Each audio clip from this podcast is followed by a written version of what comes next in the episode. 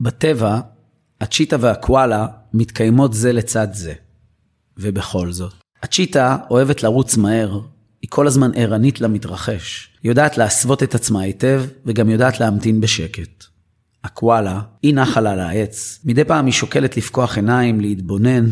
יש רגעים שהיא מסתכלת למעלה ושוקלת לעצמה, נטפס עוד טיפה על העץ? מדי פעם הקואלה מסתכלת על הצ'יטה וחושבת לעצמה, וואו, איזה מהר היא רצה, כמה כוח יש לה, איזה גמישה ואתלטית.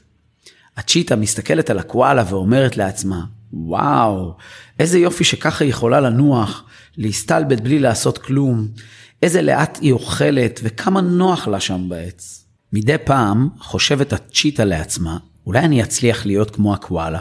והיא באמת מנסה, אבל זה נגד הטבע שלה. והקואלה, היא מבינה שלרוץ כמו צ'יטה, זה לא מספיק סיבה טובה להשתנות עבורה. במערכות יחסים לעתים אנחנו צ'יטה, לעתים קואלה, ולעתים אנחנו אף לא אחד מהם. אולי אנחנו קרנף או אריה, או שבכלל אנחנו עית שחי אי שם. וכמו שכתב נועם חורב, שנים שניסיתי לשנות את בני הזוג שלי. ניסיתי לדחוס אותם לתבניות והגדרות שיתאימו לי, או לתפיסת הזוגיות שלי. ניסיתי להנדס אותם במחשבה שזה מה שיוביל אותנו למקום טוב יותר.